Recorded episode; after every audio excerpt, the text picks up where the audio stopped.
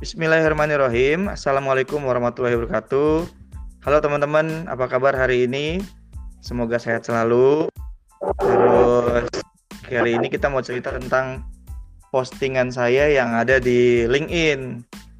Ya, katanya kemarin ada yang udah pada dapat TKO. TKO itu token dari toko kripto.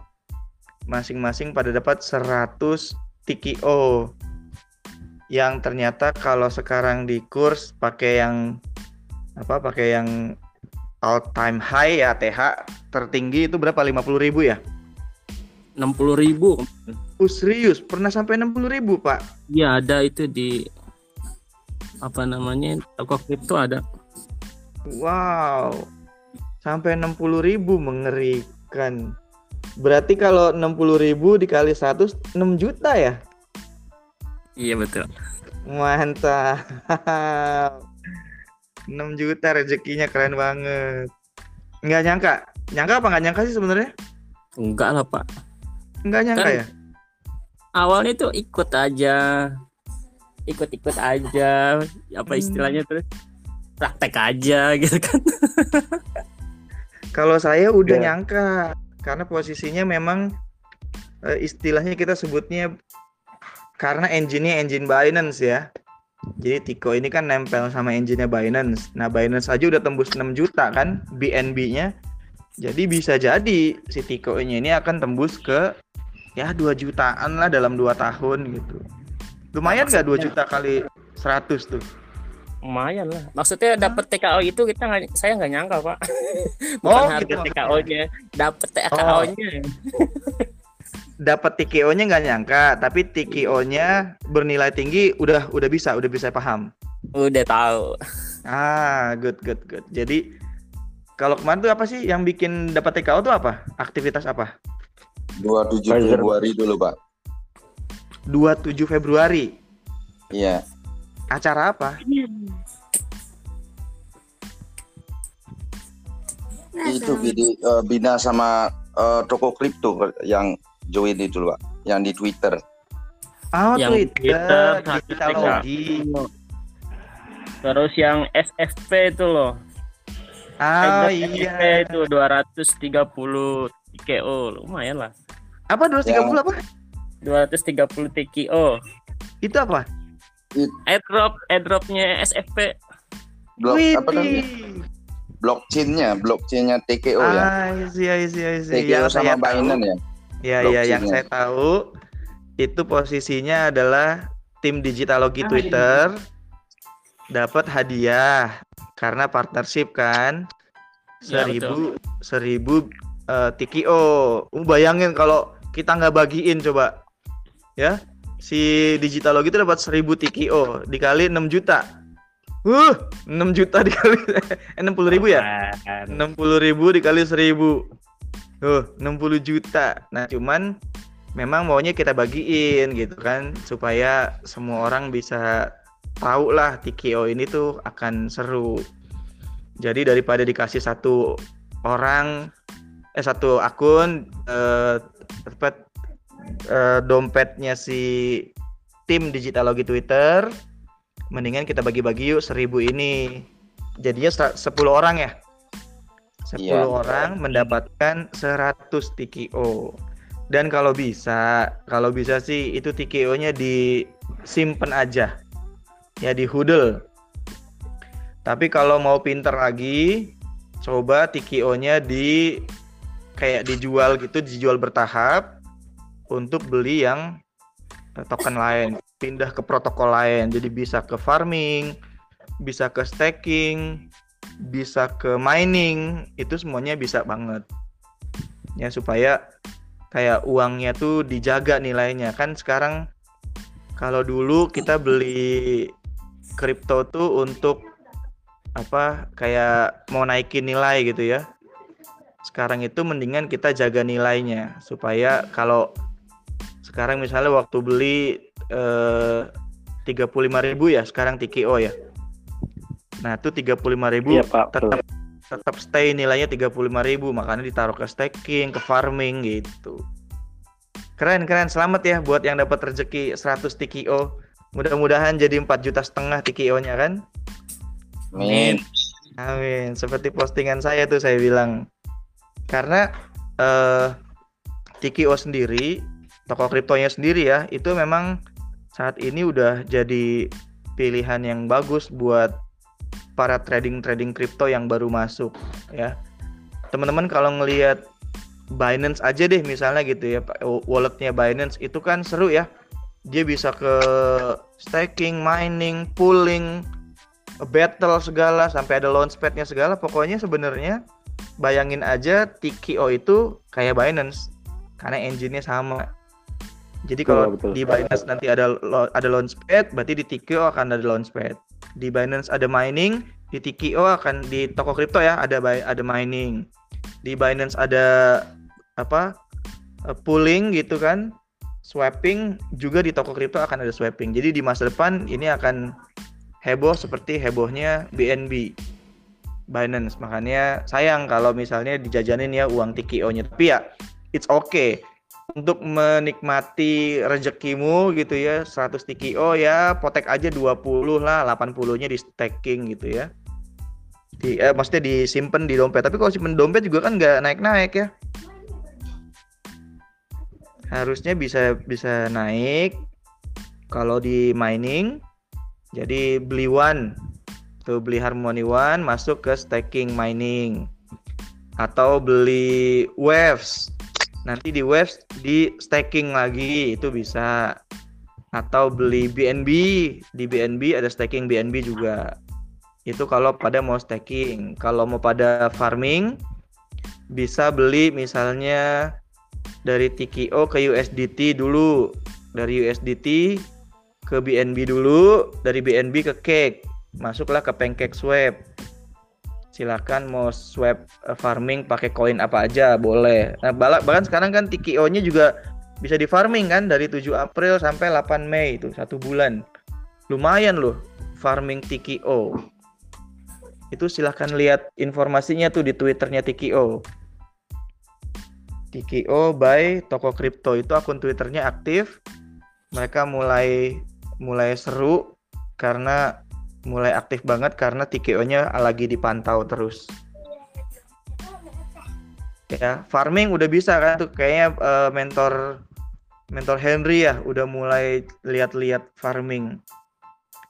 Jadi kalau nanti pada ikutan yang apa prakteknya si uang kuantum itu nanti ada farming di situ tapi farmingnya masih di protokolnya Harmony One bisa juga tuh si TKO-nya dibeliin misalnya eh, 10 atau 20 TKO beli Harmony One. Terus 10 TKO masuk ke staking 10 TKO masuk ke farming. Itu keren banget. Ya. Udah Kalau 10 kepikiran. TKO ah, udah kepikiran. Ya bagus bagus. 10 TKO itu kalau misalnya beli harga sekarang tiga eh jual ya 35.000 kali 10 berarti kan 350.000 350.000 beli Harmony One di harga 2.500 misalnya kan. Lumayan tuh kan. Nanti yang di Harmony masukin staking.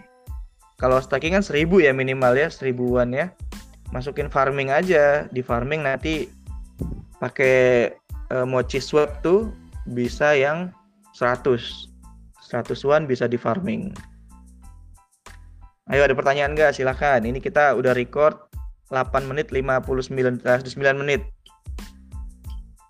Nanti kita mau jajal recordnya bisa ditaruh di podcast. Mau tanya, Mak?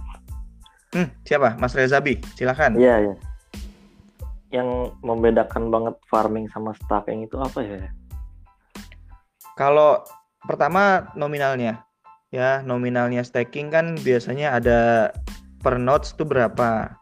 Kalau yang pengalaman saya di Harmony One, satu notes tuh minimal 1000 one. Berarti staking dari start dari 1000. Kalau farming bisa dari 100, 100 one tuh udah bisa farming.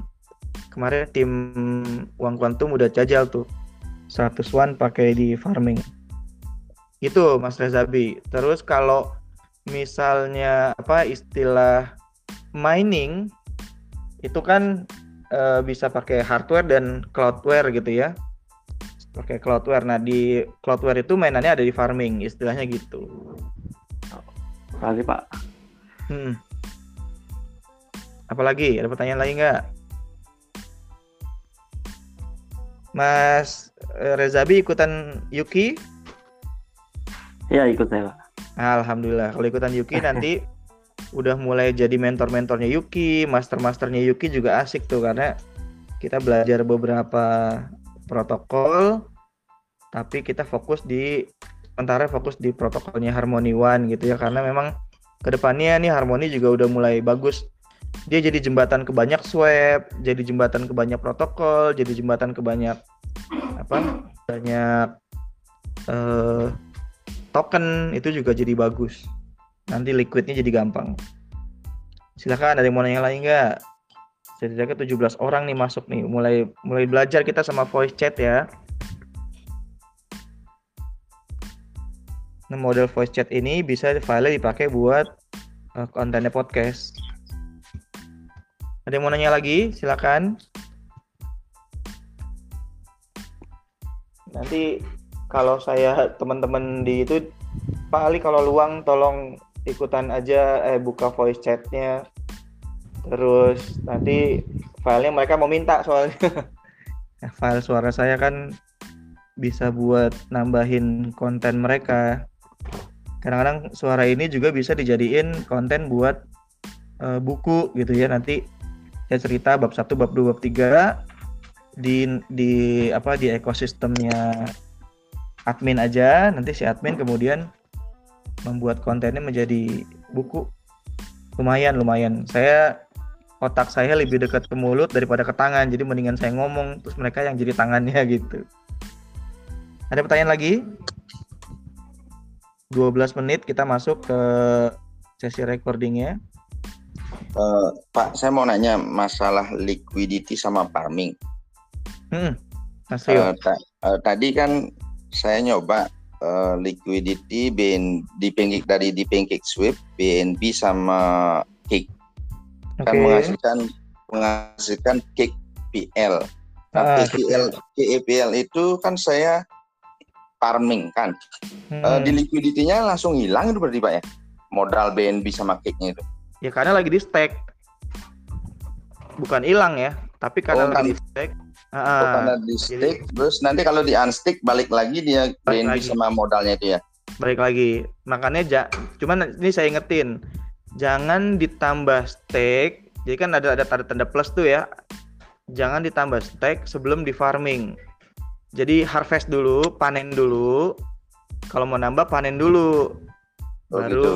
nambah. Soalnya kalau kalau langsung nambah nggak di harvest, nggak dipanen, itu hilang panennya. Akan oh, reset iya. lagi dari nol gitu. Oh iya Pak, makasih Pak. Eh keren Mas Rio, udah mulai praktek farming nih asik. Makin banyak yang bisa jadi mentor farming nanti gampang. Iya. Mas Rio ikutan ke Pancake Swap, terus liquidnya liquidity-nya pakai uh, eh, US apa BNB, BNB dengan sama cake. Oh BNB cake. sama cake untuk lahir cake. Ya, karena oh. nanti kan uh, untuk apa uh, full full TKO itu kan pakai cake nih ya. Oh, sekarang lebih gampang kalau mau ikut TKO. Jadi setelah punya BNB, Bapak masuk ke Bakers itu kan ada Bakers Web, Bakery Web. Di yeah. Bakery Web si BNB-nya di pairing ke BUSD. Jadi Binance USD. Ntar keluarnya TKO. Iya. Yeah. Itu juga bisa. Jadi nggak usah nggak usah uh, apa?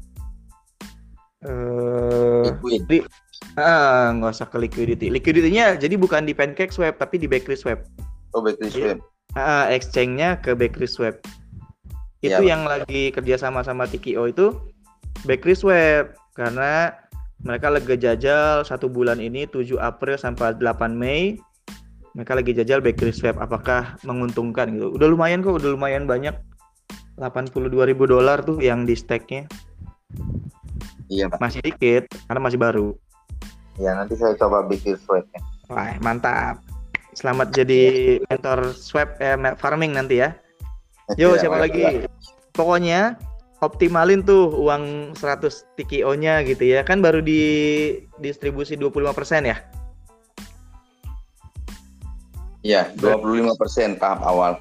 Ah, kan lumayan tuh udah bisa di staking eh, farming ke mining juga oke tuh 100 100 tuh 25 25 TKO dikali 30.000 misalnya kan 500 ribu masuk ke BNB, BNB staking ke earn, ada Binance earn itu juga bagus tuh.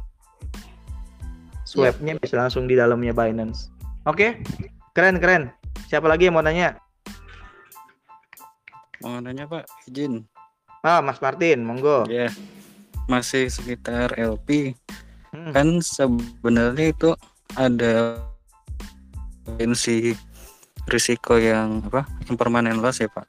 Hmm. Tapi kayaknya farming tetap masih diincar-incar. Kenapa ya? Maksudnya apakah ada tips supaya nggak impermanent loss atau tipsnya apa gitu, Pak? Mungkin yang biar rewardnya masih lebih tinggi dibanding resiko yang bakalan terjadi gitu. Oke, kalau Gitu aja, kalau kalau di saya pertanyaan ini dijawab pakai ini.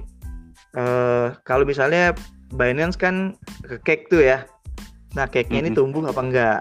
Itu bagian dari eh, manajemen resiko kita. Karena posisinya yang karena kita waktu farming menggunakan eh, apa, mengincar eh, cake misalnya, maka pertumbuhan cake-nya kita perhatiin. Ya, makanya di di Yuki nanti itu saya mau ngajakin teman-teman misalnya pakai 100 won. 100 won tuh kalau misalnya 200 eh 2000 dikali 100 kan 200 ribu doang tuh istilahnya ya.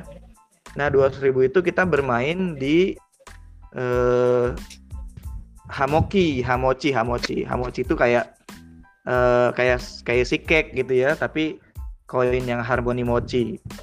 Nah itu karena kita juga mau ngedukung si harmoninya supaya tumbuh terus, kita jadi enak sama protokolnya. Jadi kalau bahasa saya apa yang membuat kita harus manajemen resiko itu token yang kita minting, sorry minting, token yang kita farming. Ya pertumbuhannya bagus apa enggak? Gitu sih sebenarnya. Ya kalau kalau padang nyariknya apa token-token yang ada di Binance Smart Chain ya biasanya sih tumbuhnya bagus gitu. Jadi yang Token namanya yang yang kita farming tuh maksudnya yang uh, reward yang didapat ya? Iya iya eh, token Oh. yang hasil rewardnya betul. Enggak maksudnya kalau di pairnya itu kan misalkan token A sama token B kan bisa token A atau token yang lain kan. Heeh, Nah, si pairnya itu kan nilainya bisa berubah-ubah nih, Pak. mm-mm, betul. Harga. Nah, itu kan bisa yang menyebabkan impermanent loss tadi. Hmm. Maksudnya trik ada tipsnya uh, mungkin ada tips apa gimana supaya meminimal yang impermanent loss-nya tadi, Pak gitu. Apakah ada Oke. tips-tips khusus gitu? Kalau tips saya, misalnya Mhm. gini, eh saya main selalu main di 50%. Jadi yang mau di swap itu hanya 50%. Oke. Hmm. Jadi eh, misalnya apa? Misalnya Mas Martin udah ikutan farmingnya ke mana? Pancake ya? Oh, kalau yang itu belum sih, Pak. Oke. Misalnya saya ceritanya yang ke Harmoni ya, misalnya ya, dari beli 100 won, terus kita masukin ke Mochi Swap. Di Hmm. Mochi Swap, saya hanya eh, swappingnya 50% dari 100 won tadi. Ya cuma Hmm. 50. Terus di 50 baru di pairing kan ke ke swapnya gitu kan. Baru menghasilkan token Hamochi. Nah, saya biasa main tadi 100 dari wallet pindah 100 ke swap ke Mochi Swap. Di Mochi Swap saya liquidity-nya 50%. Terus di farmingnya saya ambil. Nah, itu supaya lebih cepat saya nggak cuma mikirin eh, berapa kali si nilainya akan naik, tapi saya mikirin eh, projectnya akan bagus atau enggak di masa depan gitu. Jadi kalau bisa tetap ditaruh terus aja ya, Pak. Iya iya, kalau Jangan udah farming jangan dia apa-apain. aja. Hmm. Heeh. Udah kayak staking ya, cuman kan Ya. eh, apa? Ya pokoknya udah mirip sama staking, cuma kalau staking dia pakai minimum nodes, kalau farming sepertinya nggak ada minimumnya ya, cuman kan kita jaga-jaga di 10% eh staking, biasanya 100 won. Gitu, Oke, Mas. Sip, sip. Makasih. Nanti dicoba Ini ada yang Makasih, tanya. Pak. Oh, halo to speak. Pak siapa nih? Pak Parman mau ngobrol? Ayo ngobrol. bisa dibuka ini oh Assalamualaikum Pak Ali Waalaikumsalam warahmatullahi wabarakatuh. Aman, terkendali? Alhamdulillah. Alhamdulillah. dari tadi saya mau ini saya kan pernah coba-coba nih Pak Ali Oke, coba apa? Eh, mencoba di stalking di apa ya OPT OPT, oke, terus? waktu itu tuh harganya sudah mencapai 12 dolar ya Oke. Eh, saya beli waktu itu di harga delapan setengah atau 9 dolar gitu loh Hmm. Eh, begitu saya beli itu kan harganya turun Mm-mm. Eh, turun sampai harganya menjadi sen lagi bukan Lu lagi dolar serius? Serius, ya. Sampai sekarang ini harganya kayaknya nggak naik-naik dari sen atau berapa harganya masih satu eh, berapa ya? Pokoknya kurang dari satu dolar mungkin atau Berarti 8 dolar udah turun ke bawah. udah turun ke bawah. Eh, Oke. kenapa ya? Ini yang menjadi pertanyaan saya, kenapa harganya kok jatuh sekali gitu loh? Biasanya sih waktu pump and dump itu kan posisinya misalnya dapat investor. Tapi aktivitas si si tokennya banyakan banyakan pada buy. Jadi waktu dapat investor kayak contoh nih TKO nih. TKO juga bisa kayak gitu Pak Parman. Misalnya sekarang Hmm. lagi booming kemarin 50.000 ya dari 1.300 rupiah ke 50 rupiah 50 ribu rupiah. Berarti kan ada uang masuk nih istilahnya kan. Hmm. terus kan nanti orang-orang pada ngikut nih. Nah cuman sayangnya eh, aktivitas pembelian TKO nya mungkin rendah. Jadi orang waktu dulu pada hudel dijualin semua gitu. itu yang bikin drop juga nah biasanya juga makanya kalau di metode kami pak di Dima Dekodemi kita tuh bikin kekuatan komunitasnya dulu sebelum bikin tokennya supaya tokennya itu nanti bergeraknya ya rata-rata aja gitu sama kayak kalau menurut saya nggak tahu ya di, di toko kripto saya nggak tahu apakah toko kripto tuh gajinya pakai TKO misalnya ya karena kalau Hmm. gaji pakai TKO maka karyawan-karyawan itu akan eh, menjaga sama-sama harganya gitu kan supaya nggak pada jatuh gitu Hmm. Itu kan Biasanya sudah gitu, sekitar Halo, itu sudah sekitar 8 bulan yang lalu loh, Pak Ali. 8 bulan. Jadi kok saya jadi khawatir jangan-jangan kalau saya beli yang lain pun akan jatuh seperti ini gitu loh. Ya sebenarnya sih mirip-mirip Pak, apa trennya akan mirip hanya saja ya kan artinya Bapak udah belajar tuh di di protokol A gitu kan. Apakah di protokol B akan gitu juga? Iya, biasanya akan iya. Jadi saya juga nggak ngejamin akan naik terus kayak TKO naik terus kan nggak juga ngejamin kan. Tapi Hmm. yang saya pantau adalah komunitasnya si TKO ini cukup bagus. Ya saya nggak tahu kalau Bapak dapat referensi OPT dari siapa? Eh, waktu itu kan banyak eh, dari member-member Bina yang aktif di eh, TPO kan. Jadi eh, SPT di SPT kan banyak sekali yang member termasuk eh, Pak Atian Buyung juga ini kan eh, aktif di OPT, OPT-nya Do Makar. Oh, DAO. Oh, dari social mining ya? Iya dari sosial media. Oh iya iya iya iya social mining. Saya saya, saya tadi lagi mikir Bapak nyambungin saya saya nyambungin pertanyaan Bapak ke ajang oh ternyata dari social mining, dari komunitas social mining, kemudian pada referensiin OPT gitu ya. Iya betul Pak. Nah. Jadi itu. Terus beli, Baik. Bapak beli belinya dari uang sendiri atau dari uang hasil social mining? dari uang pribadi. Oh, Artinya kan saya pribadi. baru kan, baru Ah, jadi eh, karena baru untuk menjadi member itu eh, kita harus hold 25 OPT Oh, oke. untuk bisa menjadi mining bisa jadi member mining lah di situ kan. Hmm. Oh, Bapak ikutan Ya. SHO ya, Strongholder Offering ya? Iya betul betul betul. Oh, Kaitan itu. Kalau itu emang jangka panjang, Pak. Eh, artinya jangka panjang itu berapa puluh Tapi tahun? jangka panjang itu emang di, di- ditahan up to tiga tahun kalau saya kalau SHO gitu. Cuman kan eh projectnya kan Bapak bisa baca ininya kan white papernya ya. Saya juga nggak baca loh punten Pak. Saya Heeh. nggak tahu di OPT ini apa nanti Bapak udah ngasih tahu saya, saya akan baca sedikit. Tapi kalau udah DAO biasanya sih si konsep social mining ini berjalan baik sih Pak. Hmm. Jadi mungkin karena faktor-faktor ini aja ya yang menyebabkan dia jatuh. Istilahnya udah jadi abu lah gitu kan. Jadi di- sudah jadi stand itu dari eh, dari 12 Dolar. Eh, jadi abu lah yang ininya. Apa memang proyeknya, proyeknya memang proyeknya gagal kah atau kita kan kita nggak tahu. Saya emang nggak tahu jadinya yang kayak gitu. Jadi. Biasanya sih kalau ini ya, kalau yang DAO selama social miningnya bergerak, dia akan akan aman, Pak. Pertanyaannya adalah apakah OPT as social miningnya bergerak terus? Apakah dapat rewardnya? Bergerak kalau dia bergerak pak artinya kan kita kan eh, terus di Twitter asik ah, ah, rutin ya Mm-mm. meninikan eh, tentang OPT lah kita bicara tentang OPT terus dari waktu ke waktu Kalau bergerak sih saya yakin juga itu akan akan tumbuh bagus, Pak. Artinya mereka lagi ngebangun fundamental kan istilahnya kan. Aktivitinya lagi kuatin, nanti mereka akan setup dengan mudah ke yang lainnya. Mudah-mudahan Pak saya saya doain karena kalau udah DAO karena dia kan decentralized automation organization kan, dia Iya. organisasi yang bergeraknya sesuai dengan kriterianya. Saya yakin sih bagus ya kalau udah DAO ya. Saya pribadi ya, Oh, tapi saya nggak iya. tahu proyeknya karena saya belum tahu proyeknya. Maaf Pak Ali. Ya, Boleh apa nih? dong Silakan. untuk yang OPT. Hmm, saya mau tahu dong ceritain dong. Nah, yang OPT itu saat ini sedang memang sedang benar kata Pak Ali sedang bangun fundamental. Ah benar. Jadi memang eh, produknya itu masih dalam progres. Ah iya benar, pasti gitu. Kan itu kan- Makin kuat nanti.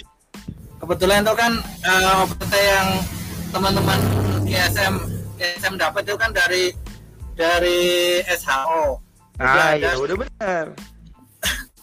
ada sekian apa persentase sekian persen pertama yang meluncur dan sisanya masih di masih ditahan sama Open Predict juga gitu. Oh keren lah, udah benar lah. Jadi masih ada sisa yang di- ditahan di mereka itu masih ada 80% kalau nggak salah.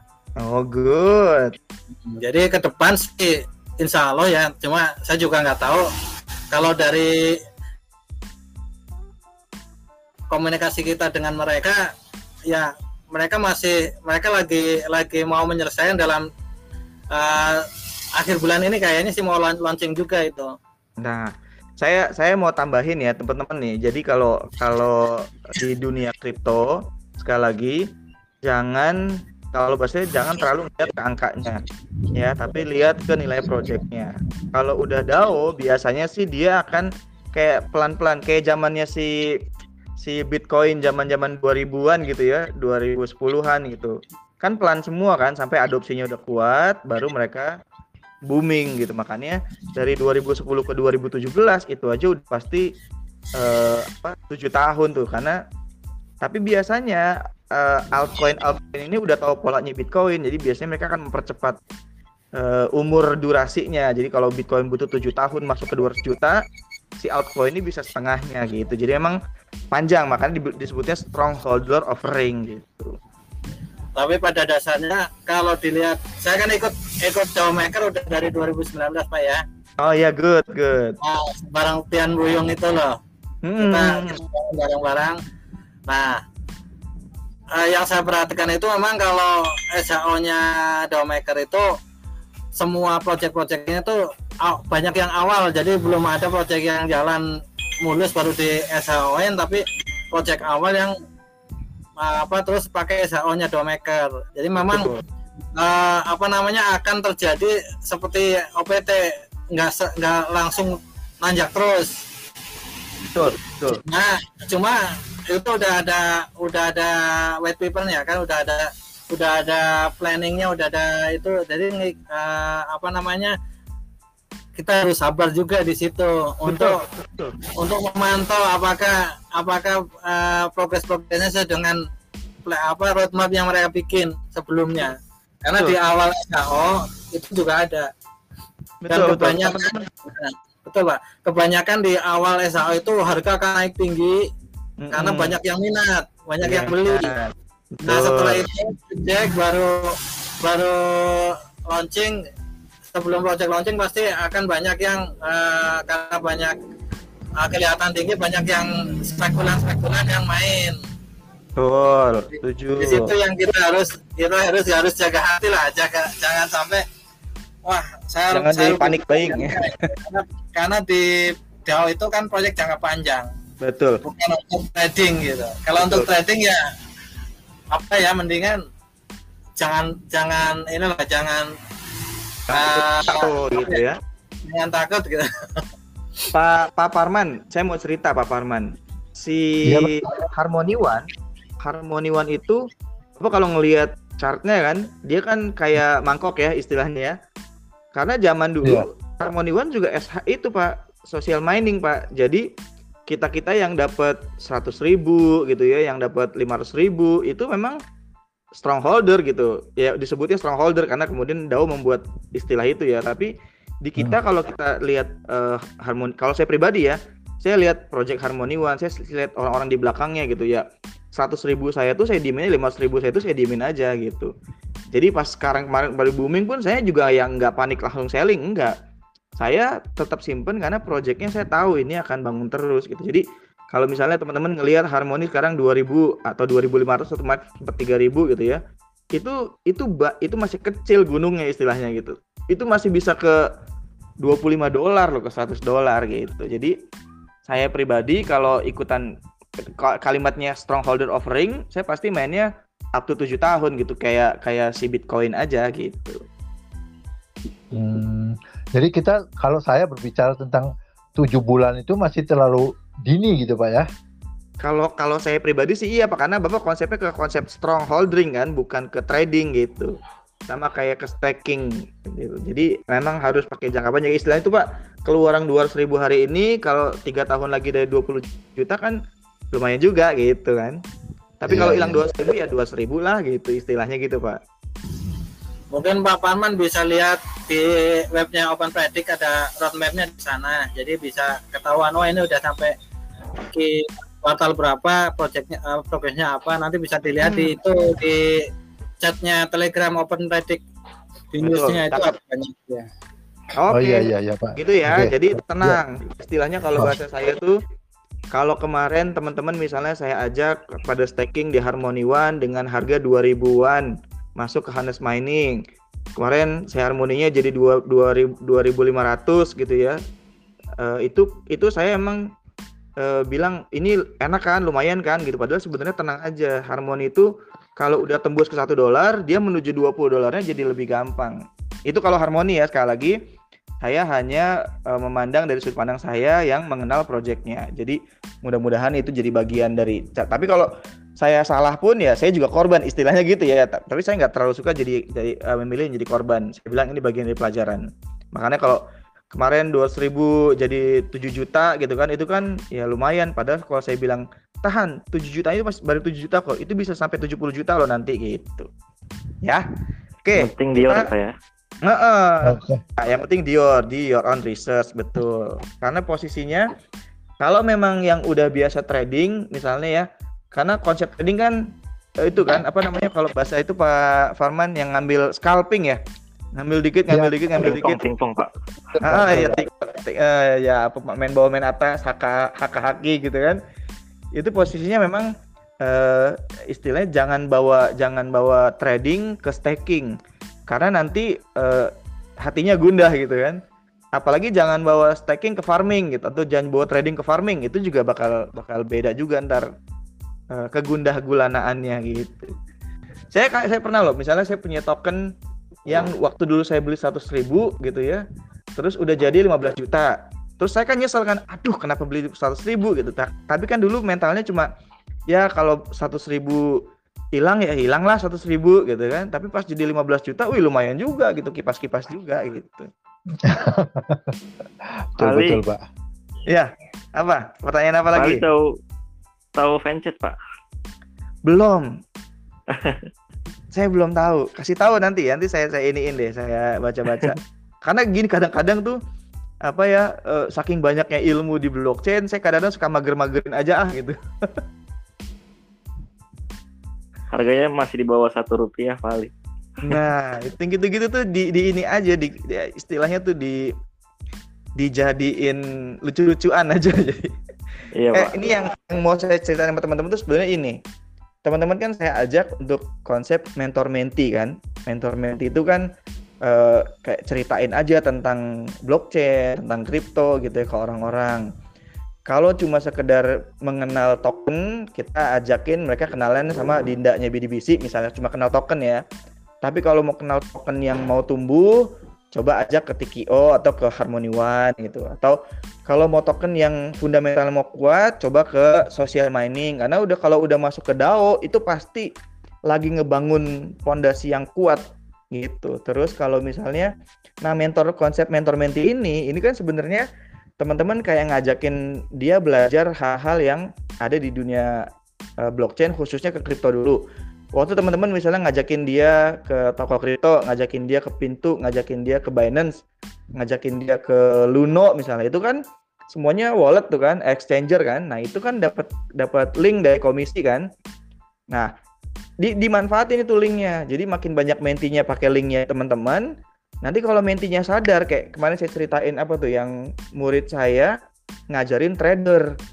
Si trader ternyata ngeces-ngeces tuh di di ini kan di apa di kripto karena waktu dia trading di dunia fiat dia bilang ah nggak ada yang segila kripto nih gitu. Nah, dia ngajak teman-temannya Dia ngajak teman-temannya, teman-temannya 20 orang pakai link pakai linknya si yang ya murid saya nih. Akhirnya teman-teman yang trading-trading itu tuh tiap hari beli BNB, tiap hari beli apa macem-macem dan dia komisinya bisa 50 500 ribu satu hari dari aktivitas trading-tradingnya si trader ini. Jadi kalau para trader kripto tuh eh, udah trading yang fiat masuk ke trading kripto itu mereka ganas-ganas kalau bahasa saya tuh. Gitu karena mental tradingnya udah kebangun gitu. Waktu mereka tahu ada konsep staking, mining di dunia kripto itu mereka lebih lebih lebih bilang "Uh, ini surga banget gitu. Gitu teman-teman ya. Ini kita sudah mulai memasuki ke 37 menit.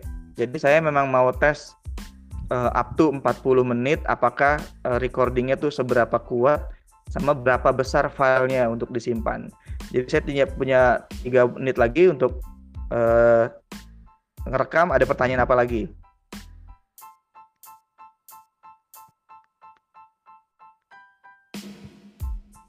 Ini ada ada mentor Henry nih. Mohon maaf Pak Ali, saya Hmm. untuk memperjelas saja. Mangga. Eh, saya mau nanyakan, kalau saya hold di eh, One, kira-kira waktu, mohon maaf aja kalau saya seorang trader ya Pak ya, jadi cara Hmm. berpikirnya pendek gitu loh. Mm-mm. Eh, kira-kira butuh waktu berapa lama eh, untuk bisa artinya betul-betul holdnya saya itu berarti setahun, dua tahun, apa atau lima tahun kira-kira Pak? Kalau kalau ini kalau saya ya Pak pengalaman di Harmoni misalnya gitu ya. Ya. Saya di Harmoni itu eh, kenalnya kan 2019 awal Januari tuh. Dari 2018 kita udah ngobrol-ngobrol. Terus mereka launching social mining di Juni, nggak Juni ya. Terus saya hodler aktif, saya dapat 500 ribuan Harmoni One. Waktu masuk, berarti kan 2019, 19, 20, 21. Nah masuk dua tahun pertama karena harmoninya ngikutin ngikutin apa eh, desain mereka di white paper bahkan melampaui eh, white paper mereka. Itu dalam dua tahun saya udah ngelihat mereka eh, naik. Itu pun saya nggak jual pak. Jadi saya yang tahan dulu. Makanya memang kalau kalau eh, misalnya nunggu bulanan saya rasa staking atau farming apalagi nggak bisa bapak mainin bulanan. Dia harus tahunan. Saya aja ngejaga dua tahun gitu. Dua tahun pun setelah mereka booming gitu ya eh, seribu persen saya masih tahan juga gitu karena saya tahu ini bisa sepuluh ribu persen gitu Hmm. jadi kalau main bulanan kayaknya trading tetap pak Oh iya, iya. Mm-mm. Jadi butuh waktu tiga tahun lah ya, tiga tahun sampai lima tahun lah Pak ya, kira-kira begitu ya Pak Iya, ya. ya maka tadi saya bilang kan di di di historinya si Bitcoin Bitcoin itu butuh tujuh tahun. Jadi dari 2010 dia 2009 lahir, 2010 mulai ada adopsi, 2017 dia booming sampai 200 juta. tujuh tahun tuh pak ya kan Tujuh tahun. Oh iya iya. ya kan terus 2000 2017 dia booming terus sampai 2020 malah sekarang 2021 multiple ATH gitu sampai multi ATH-nya tembus terus 800 juta gitu jadi semua pola-polanya Bitcoin biasanya semua semua founder altcoin tahu nih. Kalau dia mau bikin token terus dia pakai polanya Bitcoin nanti bisa setengah setengah dari Bitcoin bisa tercapai semua gitu. Jadi kalau Bitcoin butuh tujuh tahun biasanya altcoin ya tiga empat tahun. Asal si foundernya serius sama projectnya gitu Oke, Nah, terima kasih banyak Wali. sama-sama Pak Farman. Apalagi kalau kalau Bapak udah tahu ada ada social mining nah itu buat saya tuh nguatin. DAO itu memang solusi buat yang eh, mau simpen uangnya tuh panjang gitu. Makanya di DAO itu itu saya dukung sepenuhnya banget. Karena saya udah tahu banget da, waktu saya ngerjain social mining pakai DAO di projectnya Harmony One gitu. Oke teman-teman ada lagi? Pak Farman makasih ya In- Pak. inspirasi banget tuh saya juga Iya, baru iya. dengar opsi tenang pak kalau kalau kita main eh, strongholder offering itu pasti jangka panjang Pak. saya bilang Pak, up to 2 tahun up to 3 tahun gitu insya Allah berkelimpahan rezeki ya Amin. teman-teman terima kasih ini sesi yang 40 menit pertama jadi saya mau stop recording dulu supaya nanti eh, mau mantau besaran filenya berapa ini saya stop recording terima kasih banyak sampai ketemu lagi di sesi selanjutnya mudah-mudahan saya akan coba sering-sering kalau pas lagi waktunya luang karena kalau gini nunggu klien itu saya bisa ngobrol setengah jam makasih ya teman-teman ya assalamualaikum warahmatullahi wabarakatuh Waalaikumsalam. Waalaikumsalam. warahmatullahi Terima kasih Pak. wabarakatuh. Terima kasih Pak Ali. Terima kasih Pak Ali. sama-sama